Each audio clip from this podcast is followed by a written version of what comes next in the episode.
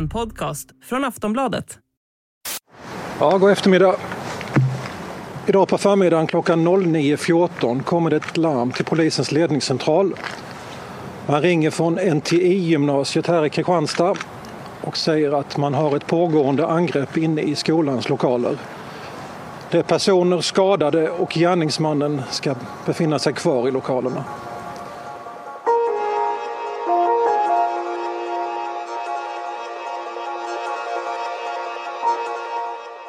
Det var det tredje våldsamma attentatet på skolor på ett år.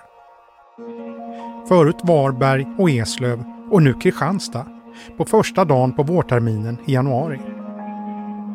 Det rör sig om tre olika gärningsmän på tre olika orter men det finns ändå flera gemensamma nämnare. Och flera likheter med det hittills blodigaste skoldådet i Sverige.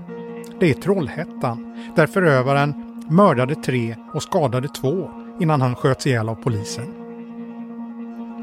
Vad finns det för förklaringar till skolattackerna? Är de ett symptom på något? Går de att förebygga och i så fall hur? Det ska vi titta närmare på i det här avsnittet av Aftonbladet Krim.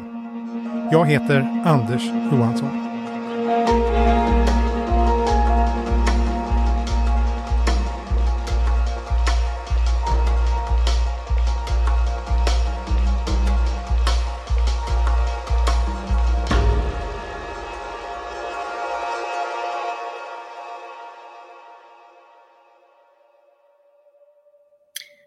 Eh, som varje måndag så har vi APT eh, mellan 8 och 9 och jag var på jobbet strax efter halv åtta.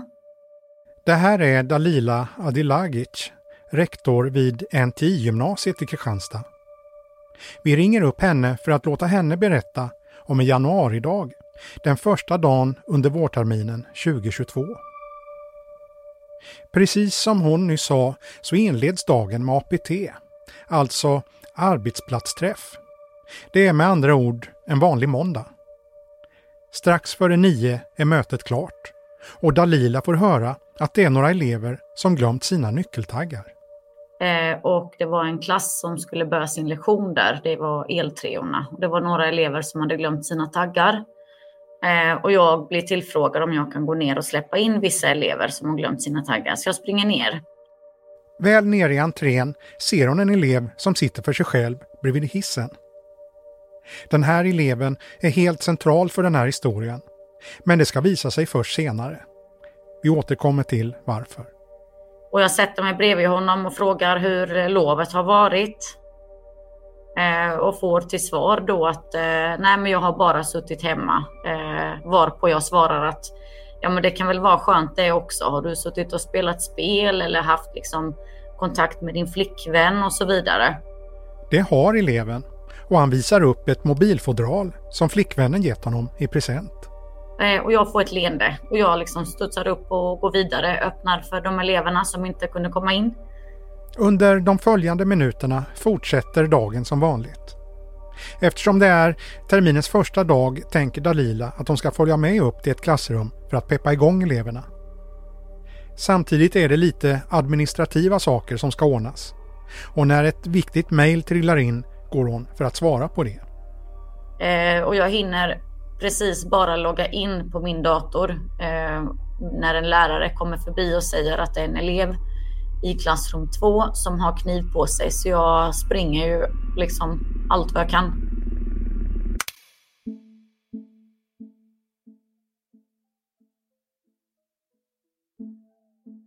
Det här avsnittet ska handla om tre olika händelser. Tre olika våldsdåd som skett inom loppet av ett år på olika platser i Sverige. Det är separata gärningar som skiljer sig från och liknar varandra. På en punkt har samtliga attacker en tydlig gemensam nämnare. De har skett i skolan. Vi börjar den 28 januari 2021 i Varberg i Halland. En man, 25 år, som under ett ganska kort förlopp bestämmer sig för att eh, attackera en skola. Det här är PK Englund. Han är reporter på tidningen Skolvärlden och har under det gångna året bevakat skolattackerna för tidningens räkning. I det här avsnittet ska han få hjälpa oss att reda ut vad som hänt i de olika fallen, ett i taget. Tillbaka till Varberg och den 28 januari 2021. Händelseförloppet är som följer. Någon gång under morgontimmarna lämnar en 25-årig man sin lägenhet. Innan han går ut genom dörren sätter han igång plattorna på spisen och sprayar graffiti över sina väggar där han bland annat skriver ”Ni ska dö” och ”Heil Satan”. Han lämnar även efter sig en typ av manifest där han hyllar tidigare skolmördare som han beskriver som sina idoler. Vid halv tio sätter han sig på en buss och åker mot Peder Skrivares gymnasium.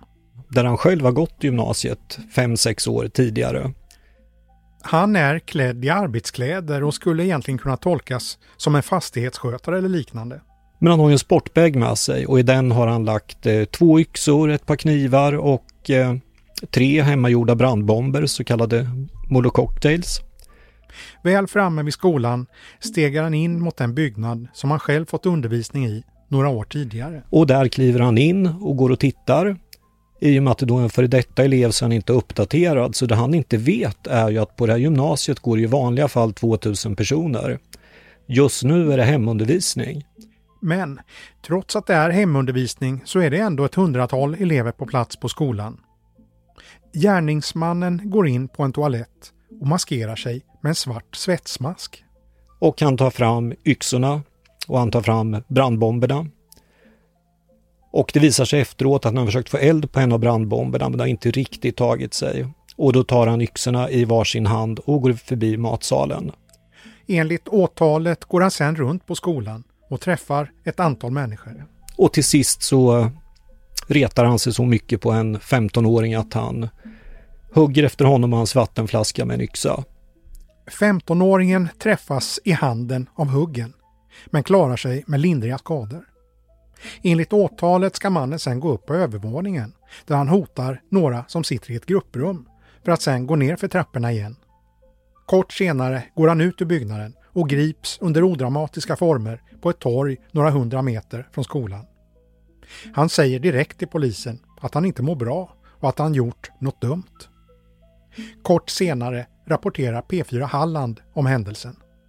En elev på PS gymnasiet i Varberg blev under torsdagen huggen i handen av en yxbeväpnad man som också hade med sig kniv och molotovcocktails in på skolan.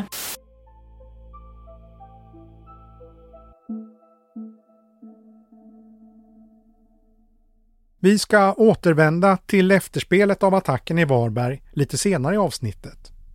Men för kronologins skull rör vi oss vidare till nästa dåd på en svensk skola. Vi spolar fram bandet några månader, från attacken i Varberg i januari till en ny händelse i Eslöv, augusti 2021. Då berättar jag från början. Mm. Eh, Det här är Mikael Johansson, yttre befäl i polisområde södra Skåne. När vi hör honom återberättar han sitt vittnesmål från händelsen i augusti 2021. En arbetsdag som börjar som vilken annan som helst. efter utsättningen och så så eh, började mötet klockan åtta och jag gick, satt med där. Hade min eh, dator framme. Efter ett tag kommer det in ett larm, men det visar sig vara något av ett standardärende. Eh, och jag visste ju att eh, förutom jag som utgår från Eslöv så var det en radiobil till. Det här dagpasset och den blev skickad tillsammans med en eh, MC-polis till eh, en trafikolycka uppe ett hörn någonstans. Men vad poliserna ännu inte vet är att något är i görningen. Bara en liten bit från stationen. Det är första skoldagen på Källebergsskolan. En högstadieskola där. Där betyder i det här fallet alltså Eslöv. Men det ska inte ta lång tid under den här första dagen innan elever och lärare förstår att något är fel. Precis innan första lektionen ska dra igång går en 15-årig elev in på skolan. Hans kläder och utrustning sticker ut. Det är bland annat en skelettmask, det är en stridshjälm, Det är en mobilkamera som man kopplar upp sig på direktsändning via Twitch. Som sitter på den här hjälmen, det är replikor, vapen och eh, det är knivar. Till skillnad från gärningsmannen i Varberg tycks den här förövaren vara än mer förberedd för vad han ska göra när han kommer in till skolan. Och han har ju en rejäl plan för vilka han ska ta död på. Han har ju tagit ut eh, scheman. Han vet vilka elever som finns var. Han vet vilka klassrum de sitter, vilka tider det ska vara. Men när han kommer till skolan så är det inga elever han attackerar utan istället en 40-årig lärare som kommer i hans väg. Han hugger honom i magen. Med en 17 cm lång kniv så att den går in till skaftet helt enkelt. Efter attacken fortsätter eleven gå runt i skolan samtidigt som lärare låser in sig själva och elever i klassrum. Vid det här laget har larmet nått polisen. Vi hör yttre befäl Mikael Johansson igen. Jag uppfattade det första är man säger en man med kniv på skolan. Och då att eh, det Källbergsskolan. Och direkt när jag hör det så det är inget jätteovanligt att en man eller en kille har en kniv i skolan. De allra flesta gångerna jag har varit med om det innan så har det varit en elev som ska ta med en kniv och visa en kompis på skolan. Men även om det inte är helt ovanligt att skolelever ertappas med kniv så är det en sak som Mikael Johansson reagerar på. Då skickar man två bilar till direkt och då tänker jag lite att ja, då är det någonting mer. Han ser över sin utrustning och kör sen mot skolan. När han kommer dit är han första polis på plats och han är ensam. Flera andra patruller är utlarmade men de har flera mil kvar att köra. Han går ut ur bilen och möts av en ovanlig scen. Och då är väl min första lite så aha-upplevelse att eh, fönstren öppnar på skolan och eleverna hoppar ut. Han går in i byggnaden. Det är något som tjuter men det är inget... Jag vet i efterhand att det är ett brandlarm men det är ingenting jag liksom reflekterar att det är något sånt starkt ljud som tjuter. Han rör sig genom en korridor och når fram till kafeterian där han ser den skadade läraren. Han ligger helt stilla och tittar rakt upp i taket. Håller sig för magen och han säger ingenting till mig. Och jag säger ingenting till honom heller. Precis då är det någon som ropar att gärningsmannen är utanför skolan. Han går ut genom entrén igen. Utanför den här entrén så är det ju en liten ja, asfaltsplats och sen är det då den här gröna bron. Eh, men direkt när jag kommer ut där så tar ett par steg fram bara så ser jag ju en person som... Ja, signalementet är ju som sagt skyddsväst, någon form av hjälm, eh, så mörkklädd. Och där står ju en som ser ut så på andra sidan bron. Han ropar åt gärningsmannen att han ska lägga sig ner. Men det gör han inte. Istället lyfter förövaren något han håller i sin hand. Han håller liksom, han tar upp det svarta och jag ser direkt att det är ett vapen. Jag ser det en pistol. Gärningsmannen håller det så att det tydligt ska synas att det är ett vapen. Och sen gör han någon svepande rörelse och då skjuter jag första varningsskottet snett ner i marken. Samtidigt försöker han använda sin polisradio för att larma sina kollegor och berätta att han står med gärningsmannen framför sig. Men det strular. Det är så mycket prat på den här radiokanalen så när jag trycker in min knapp på radion så kommer jag inte fram. Alltså, jag kan inte göra mig hörd. Det är ingen som hör mig utan jag kan liksom inte bryta den konversationen som pågår. Istället för att anropa genom radion tänker han att han ska larma med hjälp av en larmknapp. Och det är en av de sakerna som jag upplevt tar tid, att jag hittar inte knappen. Han får till slut tag på en operatör och kan larma om situationen. Samtidigt står gärningsmannen fortfarande framför honom. Han har fortfarande sin pistol i handen och riktar den och... Jag skjuter ytterligare ett skott också ner i marken men får ingen effekt. Trots två skott i marken står alltså gärningsmannen kvar med vapnet i handen. Och då är väl den sekvensen där som känns jättelång. Och ursäkta mitt språk men jag funderar på vad fan ska jag göra nu? Jag har hyrt vapen mot folk innan. Och då har de gjort precis vad man säger. De lägger sig ner, de släpper det de har i händerna men han gör ingenting. De står på varsin sida om gångbron. Avståndet är mindre än 10 meter. Den maskerade gärningsmannen skriker tillbaka. Skjut mig!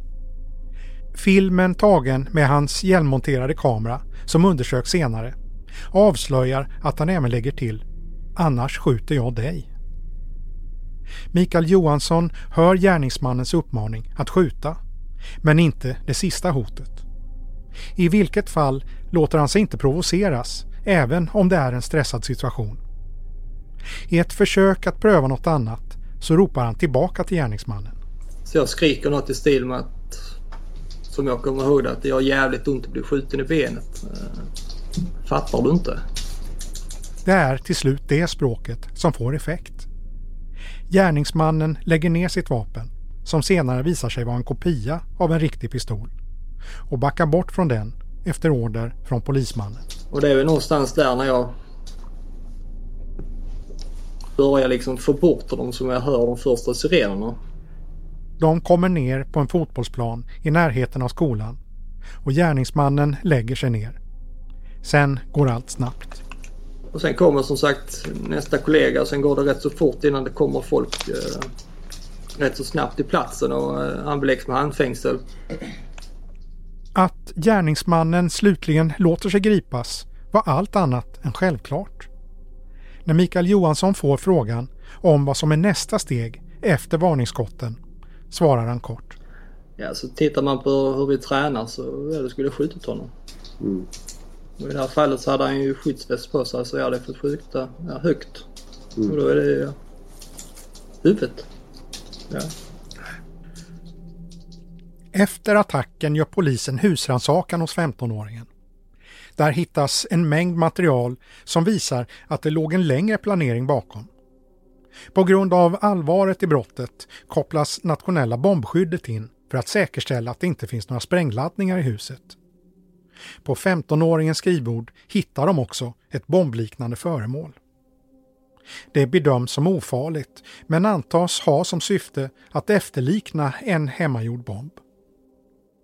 Bombteknikerna hittar också ett manifest på hans datorskärm. På skrivbordet hittas flera texter och papper med vad som beskrivs som högerextremt material. Där finns flera olika vapendelar och gevär som inledningsvis bedöms som luftvapen eller leksaker. Bakom datorskärmen hittas en utfällbar kniv och två olika ansiktsmasker, varav den ena med ett motiv som beskrivs som högerextremt. Det visar sig även att amerikanska FBI tidigare hade larmat om pojken och att polisen gjort hembesök tidigare.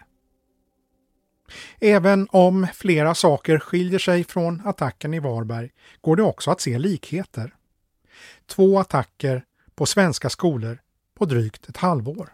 Så att det är ju två fruktansvärda dåd och eh, bara det hade ju räckt för ett år. Men då i januari nu så kommer det tredje dådet i Kristianstad Ja, precis som PK Englund på Skolvärlden säger så sker alltså en tredje attack, mindre än ett halvår efter dådet i Eslöv. Den här gången är det NTI-gymnasiet i Kristianstad som drabbas och vi återvänder till rektor Dalila Adilagic som vi pratade med i början av avsnittet. Hon hade alltså precis blivit larmad om att en elev bar kniv. Hon springer ner mot ingången till skolan.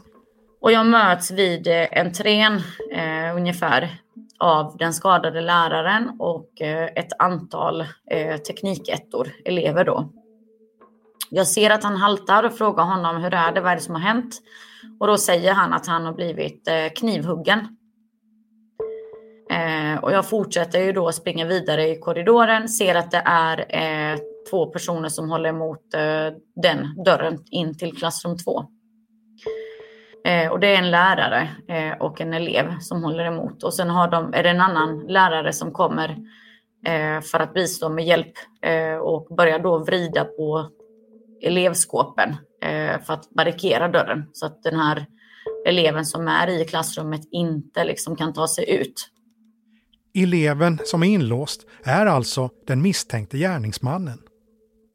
En 16-årig elev, samma pojke som Dalila själv alltså pratat med bara några minuter tidigare. Han som visade upp mobilskalet han fått av sin flickvän. Det är bara en enda person kvar i klassrummet. Vad jag får reda på. Eh, och en annan lärare har redan liksom ringt polisen. Jag tar med mig elever från klassrum 3 och klassrum 4. Eh, säger att de ska in i vårt kök eh, där vi inrymde årskurs 1 Eh, jag springer även vidare då till klassrum 1 som, befinner, som ligger i uppehållsrummet. Eh, får ut de eleverna också. Det var ju fåtal elever. Så de går ju också in då i vårt kök och det är ju sån brandsäker dörr så det är mycket svårare att ta sig in då ifall ifall någonting skulle hända.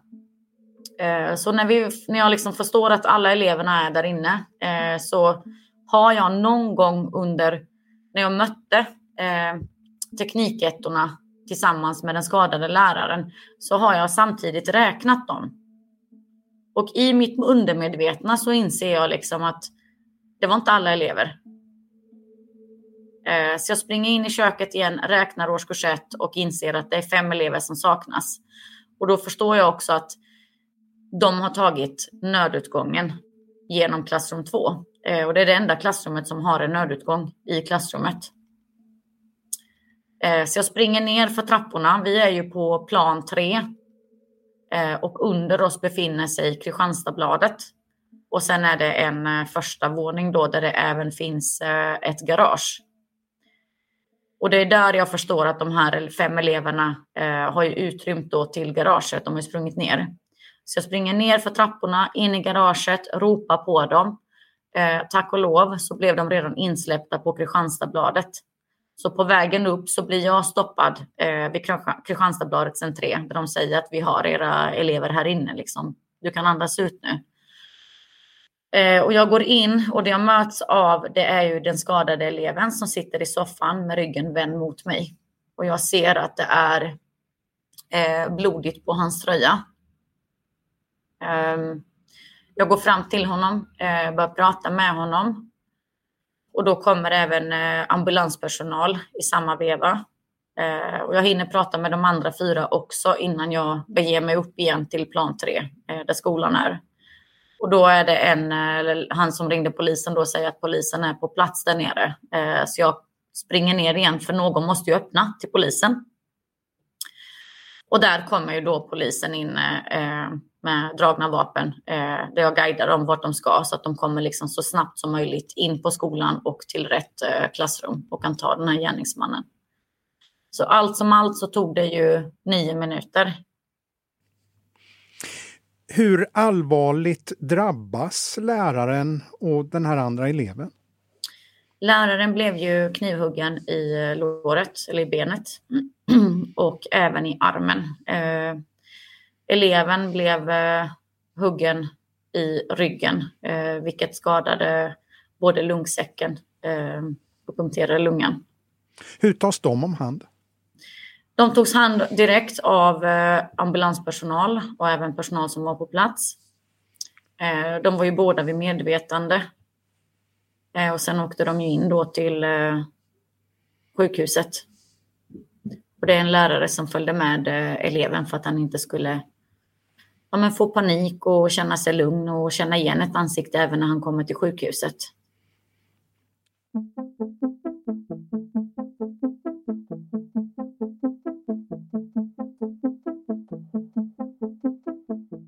När vi pratar med Dalila Adilagic har det gått precis två veckor sedan attacken i Kristianstad. Pojken som gripits häktades tre dagar efter dådet och har genom sin advokat meddelat att han erkänner grov misshandel men nekar till mordförsök. Och att han är ångerfull. De två tidigare fallen har kommit längre i rättsprocessen. När det gäller attacken i Varberg fälldes den 25-årige förövaren nyligen för dådet och dömdes för en rad brott, däribland försök till mord. Enligt tingsrätten har det inte framkommit något tydligt motiv till angreppet. Gärningsmannen själv hävdar att hans syfte var att skapa kaos och att skrämmas som ett rop på hjälp i ett skede där han mådde väldigt dåligt psykiskt för att ingen lyssnade på eller såg honom. Han förnekar varje påstående om att hans syfte har varit att skada eller beröva någon livet. 25-åringen har konstaterats lida av en allvarlig psykisk störning. Därför blir påföljden rättspsykiatrisk vård med särskild utskrivningsprövning som det heter. Det innebär att en domstol prövar inlåsningen var sjätte månad. Hur länge han kommer vara inlåst på klinik beror på när han anses vara frisk från den psykiska störningen samt när det bedöms att det inte längre finns någon risk för återfall. Attacken i Eslöv har också avhandlats i domstol, i Lunds tingsrätt. Den 15-årige pojken dömdes före jul 2021 för mordförsök, men rätten anser att det finns en mängd försvårande omständigheter. Däribland en omsorgsfull planering och att det hela direktsändes på internet. Även om antalet tittare tycks ha varit få och spridningen kunnat vara större. Tingsrätten skriver i domen att motivet var att kränka muslimer, judar och homosexuella. Trots att dådet inte krävde något dödsoffer bedöms straffvärdet sammantaget ändå motsvara livstidsfängelse. Men bara den som är 21 år kan dömas till lagens strängaste straff. Yngre förövare får nedsättning av strafftiden enligt ett bestämt räknesätt. Tingsrätten skriver i domen att i 15-åringens fall skulle motsvara fängelse i tre år och nio månader. Men på grund av att han är under 18 döms han istället till sluten ungdomsvård på två och ett halvt år. Vilket också är den tid han kommer avtjäna eftersom ungdomsvård inte har någon villkorlig frigivning efter två tredjedelar som är fallet med fängelse. Men målet är överklagat och hovrätten kan komma att göra en annan bedömning. I det tredje och senaste fallet, som alltså gäller skolattacken i Kristianstad, har utredningen som sagt bara precis inletts när det här spelas in. Det som är offentligt visar att det finns stora likheter mellan de tre fallen. Gärningsmännen har bland annat hyllat tidigare attentatsmän, däribland Anton Lundin Pettersson från Trollhättandådet. De har också lyft fram förövarna bakom dödliga attacker i Nya Zeeland och USA. Om man bortser från gärningsmannen i Varberg och bara fokuserar på dåden i Eslöv och Kristianstad är flera av likheterna slående. Gärningsmännen använder kniv och attackerar först en lärare. De bär ansiktsmask. De båda spelar Queens Don't Stop Me Now under dådet. Och de slår till första dagen på terminen. Men inte nog med att det finns flera likheter. Mellan de här två förövarna, de i Eslöv och Kristianstad, finns en direkt koppling. 16-åringen i Kristianstad berättat i förhör hur han brukade skämta om massmord, nazism och rasism och dela filmklipp från inspelade attacker. Och en av personerna han brukar göra det här med är den 15-årige pojke som genomförde attacken i Eslöv. När Eslövspojken förhörs efter sitt attentat i augusti varnar han för att ett nytt dåd kommer att ske innan året är slut. Att han är delaktig i de planerna och har möjlighet att avbryta dem om han skulle vilja. Han säger det kan äga rum på en skola och det kan vara så att klädseln är likadan.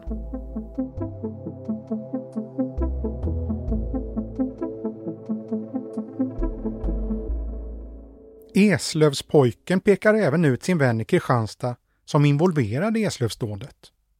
Kristianstadspojken tas då in för förhör, men släpps. Mindre än ett halvår senare grips Kristianstadspojken misstänkt för ett nytt skoldåd på sin egen skola, NTI-gymnasiet. PK Englund, reporter på Skolvärlden, har kartlagt likheterna mellan de olika fallen och ser flera saker som länkar ihop de olika dåden.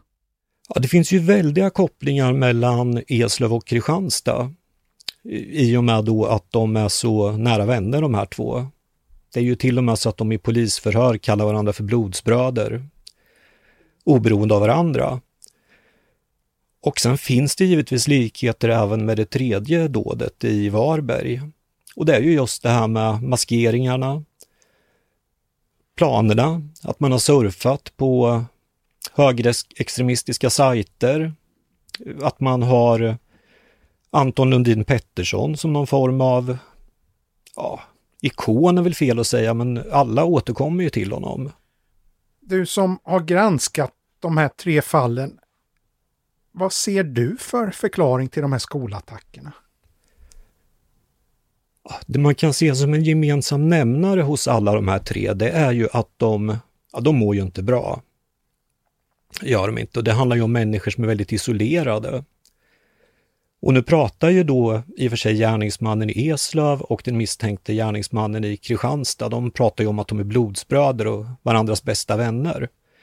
Men när man läser polisutredningen så visar det sig att de har ju träffat varandra fysiskt på de här fem, sex åren tre gånger. Och resten av tiden umgås de på nätet. Och personen i Varberg är ju fruktansvärt, fruktansvärt ensam och isolerad. Så att, nej men de mår ju inte bra. Vad är det som är deras syfte då? Vad är det de vill uppnå? Det är ju eh, skapa kaos tycker jag kommer fram rätt så tydligt i, i polisutredningarna.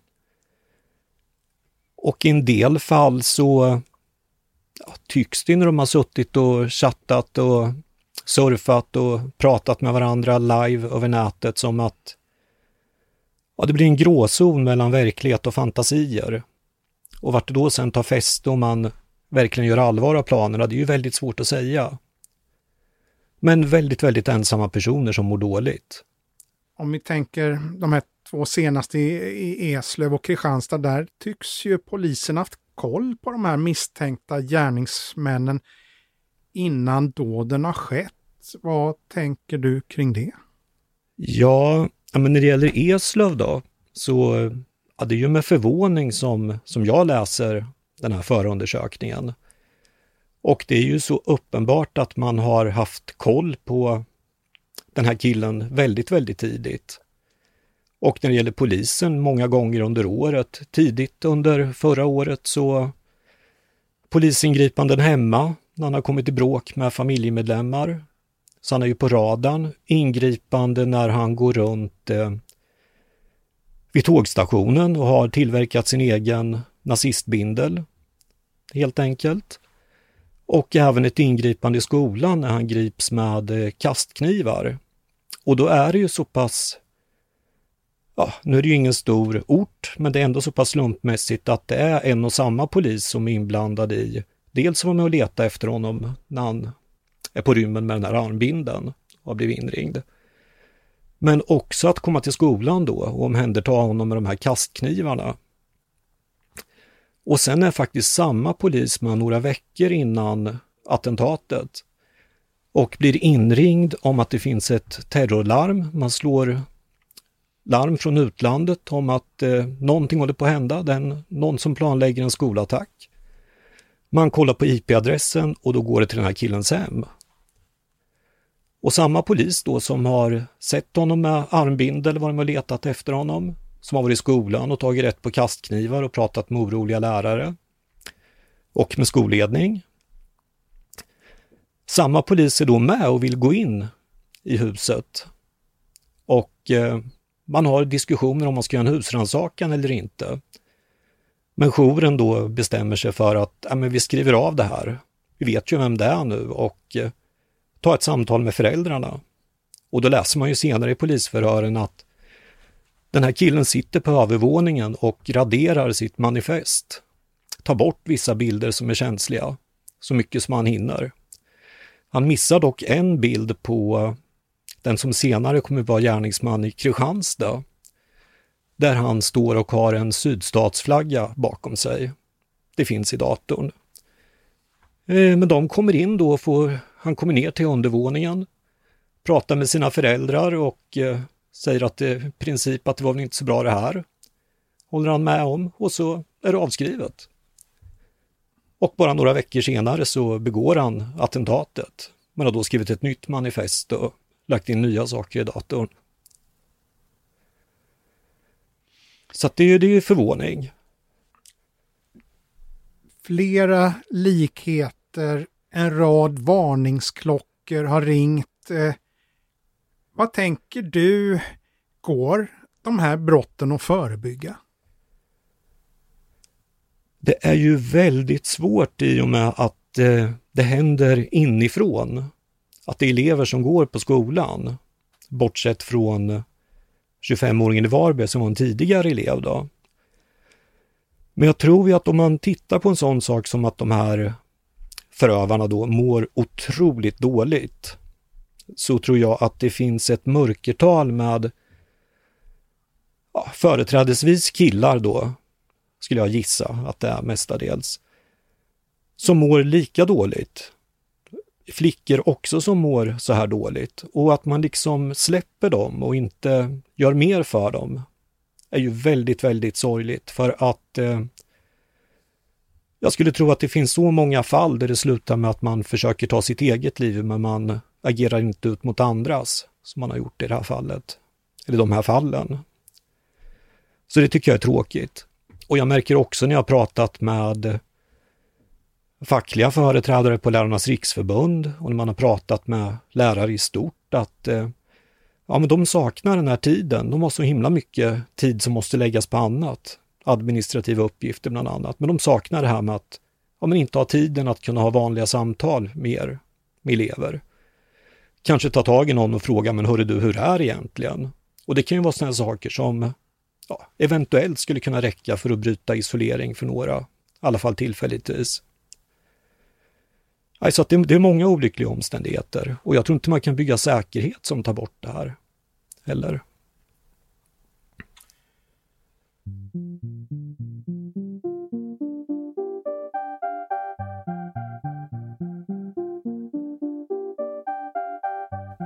Den frågan, hur man förebygger skolattacker, har blivit högaktuell under det senaste året. Hur ska man egentligen tolka att det nu skett tre attacker på mindre än ett år? Och går de här dåden att förebygga? Vi vänder oss till Sofia Wikman, kriminolog vid Högskolan i Gävle för att prata om det här. Hon forskar om skolattacker och kan liksom PK Englund på tidningen Skolvärlden se likheter mellan dåden. Ja, alltså det finns ju det och det finns ju gemensamma, gemensamma nämnare på lite olika nivåer. Men eh, om man ska säga vad är det för personer som begår de här brotten så är det ju oftast unga män. Det är ju en gemensam nämnare. Eh, och sen så handlar det ju om ofta någon som har någon typ av brustna band till samhället. En person som inte har jättemycket tro, framtidshopp och känner ett utanförskap. Eh, så utanförskapet är ju väldigt centralt, vilket också gör att de här personerna är desperata på något sätt. Det kan ta sig då, det här uttrycket utanförskapet, som ett samhällshat, men egentligen så handlar det också om ett självhat eller ett livshat. Man känner att man inte har något värdigt liv att leva och då kan man lika gärna bli destruktiv då på något sätt mot sig själv eller sin omgivning. Och ett annat drag är ju att omgivningen egentligen inte blir särskilt förvånad i efterhand. Och flera av de här svenska gärningsmännen de refererar ju till tidigare attacker och andra gärningsmän. Hur tolkar du det? Ja, jag tolkar det på det sättet att vi talade ju om att det handlar om ett utanförskap och det är inte så lätt att säga att jag blir ledsen när jag inte får vara med. Jag blir ledsen när jag inte känner att jag har någon framtidstro. Så att det är lättare. De här personerna har ju någon typ av liksom sårbarhet som är lätt att exploatera på olika sätt. Och därför så är det ju så att det ligger också i det här receptet att man vill ju inte bli känd, men man vill bli ökänd. Man vill bli Eh, infamous snarare än famous. Och det är därför också det här skriptet kommer till, att man behöver antingen spela någon viss typ av musik, man ska ha någon mask som är uppseendeväckande eller vapnen ska vara stora. Så det är det, för att försäkra sig om att media uppmärksammar det här, att man blir sedd. Så det är det som är liksom, eh, en del av att det här kulturella skriptet, som man kan kalla det för, också finns. Eh, och då har man, liksom, istället för att känna sig som en, en loser eller förlorare, så skriver man in sig själv i historien genom att referera till andra. Man blir en i raden av, ja, oklart vad, vad man ska kalla de här personerna för. Sen finns det ju en diskussion om huruvida man ska se det här som politiskt motiverade attacker. Hur ser du på det? Så som jag ser det så handlar det snarare om utanförskap. Det är det som det börjar i. Snarare att det börjar i. Sen kopplas hatet på. Men hatet blir en anledning. Det blir liksom ett sätt att rättfärdiga varför man gör som man gör. Och det har kanske de högerextrema, om man ska uttrycka sig så klumpigt, varit bäst på att utnyttja. Men egentligen så är det hatet, självhatet, som är det som är viktigast här. Föräldrar och även unga kan säkert bli oroliga nu när det skett flera attacker på förhållandevis kort tid. Ska man vara orolig? Eh, ja, den frågan kan man också svara på olika plan. Nej, man ska absolut inte vara, vara rädd och orolig om man är ung och barn och skolelev idag, för det finns så himla mycket saker att oroa sig för. Klimathotet och skolbetyget och, eh, och kärlekar och allt möjligt. Och rädslan i sig skapar ju den här typen av rädsla föder rädsla. Så att nej, man ska inte vara, eh, vara rädd, utan man måste lita på att det här är ett vuxenansvar som vuxenvärlden ska ta. Men däremot så tycker jag, alltså det är väldigt svårt på individnivå att skydda sig mot de här händelserna. Så att det, nej, den rädslan tycker jag att vi ska försöka mota bort. Däremot behöver vi som samhälle se till att vi motverkar utanförskap och social segregation. Och vi måste se, liksom, men kan skolan fullgöra sitt uppdrag, som inte bara när det gäller lärande, utan sitt kompensatoriska fostrande uppdrag.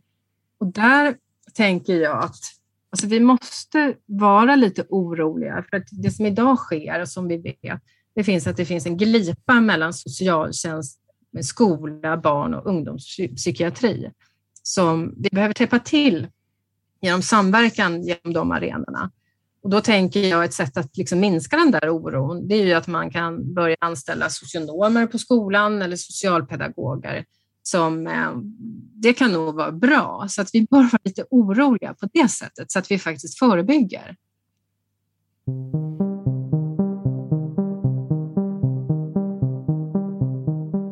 Frågan är då vad man ska göra för att förhindra nya skolattentat. På en mängd skolor, bland annat inom Academedia-koncernen där NTI-gymnasiet i Kristianstad ingår, hålls utbildningar i hur man ska agera vid pågående dödligt våld. PDV-utbildningar. Men kriminologen Sofia Wikman menar att den typen av övningar och utbildningar inte är någon lösning. Och det är intressant lite grann. Jag har ju varit i USA och tittat på hur man bygger, hur man förebygger där. Där har man ju haft mycket övningar, active shooter drills, inrymning, utrymning. Men med facit i hand, om vi nu ska se det facit, så har det inte hjälpt nämnvärt, utan vissa av de här gärningspersonerna har ju utnyttjat brandlarmet till exempel. Och det har vi sett även på de svenska händelser, att det är någonting man aktiverar. Sofia Wikman menar att det är helt andra åtgärder som måste till för att förebygga framtida attentat. Det går ju att göra massor med saker och det som, är, det som är bra är att det är så himla enkelt. Det handlar ju om att skapa och värna goda relationer. Eh, så det är ju ingenting som är svårt egentligen, men det är svårt att få det på plats. Men det krävs ju framför allt ett omhändertagande av vuxenvärlden för de här liksom unga individerna som är vilsna, som inte har någon framtidstro. Och att man ger då alla Eh, en känsla av sammanhang och meningsfullhet, att alla människor måste vara det. Det låter också klyschigt, men att vi jobbar på det sättet, att alla eh, nej men känner att nej men här kan jag vara, här är trevligt och det här är, jag har en framtid och det här ska jag göra härnäst, att jag klarar mig, att jag duger och räcker precis som jag är. Ehm, så det, på det sättet tror jag att man kan förebygga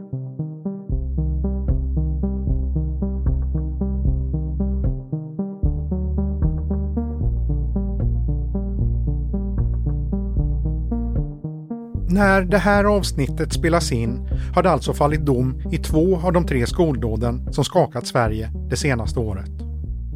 I Eslövsfallet är det troligt att det drivs vidare till hovrätten eftersom det har blivit överklagat.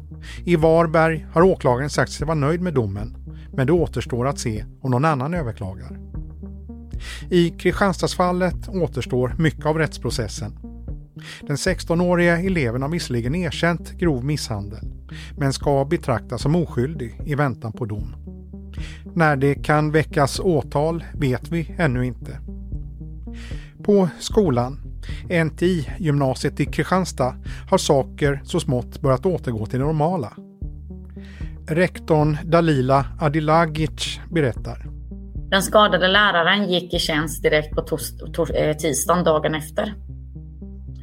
Eh, jag har ju sagt att alla på skolan agerar som hjältar, eh, men läraren som blev skadad och även den skadade eleven, de är ju verkligen hjältar. Det är skolans hjältar på riktigt. Eh, det har man ju sett från årskurs tre år som har liksom eh, tagit upp ett tygstycke där man har skickat lite omtänksamma ord eh, till den här eh, skadade eleven och även läraren. De har också kommit på det att de vill ge den skadade eleven en bok eh, med lite Ja, med lite texter och lite fina ord och kryakramar och så vidare. Eh, så det överlämnade vi faktiskt eh, förra onsdagen. Då var eleven här med sina vårdnadshavare eh, och eh, besökte skolan. Eh, Mår bra. Såklart, man kan inte förvänta sig något annat. Eh, lite skakad efter incidenten, givetvis. Men där är kurator insatt och vi tar det i elevens steg helt enkelt. På frågan om hur hon ser på elevernas och lärarnas agerande under attacken lyfter hon fram att de på skolan haft så kallade PDV-utbildningar. Alltså utbildningar i hur man hanterar pågående dödligt våld. Eh, efteråt så kände jag, här ljudar mig vad vi var synkade. Eh, och jag, jag, kände bara en sån stor tacksamhet och jag är fortfarande att vi, att vi valde att genomföra den praktiska i anslutning till teoretiska utbildningen det har ju räddat många liv. Absolut. Eh, det var ju det som gjorde att vi faktiskt visste vad vi skulle göra. Så att man slipper stå där eh, och liksom delegera till folk och säga men har du ringt eller har du räknat eleverna, har du gjort det här? Eh, utan det måste liksom, det ska bara ske. På samma sätt som en lärare vet när brandlarmet går, att man ska ta tömma sina klassrum och ta med sig eleverna ut. På samma sätt så ska man också veta vad man ska göra ifall man behöver göra en inrymning. Rektorn ser alltså bara fördelar med PDV-utbildningar, även om risken för det som övas ska hända på riktigt är mycket liten. Hon jämför med hur skolor rutinmässigt arbetar med brandövningar och tycker att det här borde vara lika naturligt. Ja, det tycker jag definitivt. Och jag tycker inte andra rektorer bör vara rädda att man väcker en björn som sover. Eh, för en björn som sover vaknar alltid av sig själv ändå. Eh, och när den björnen vaknar då vill man vara beredd.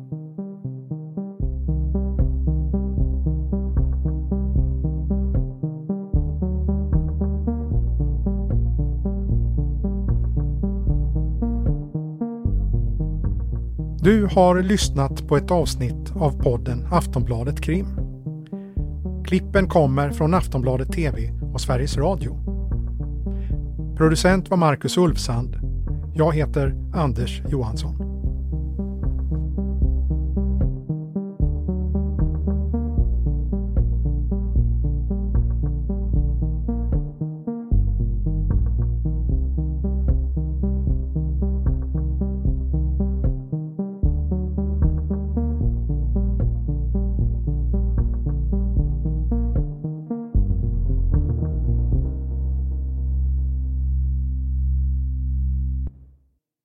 Har lyssnat på en podcast från Aftonbladet. Ansvarig utgivare är Lena K Samuelsson.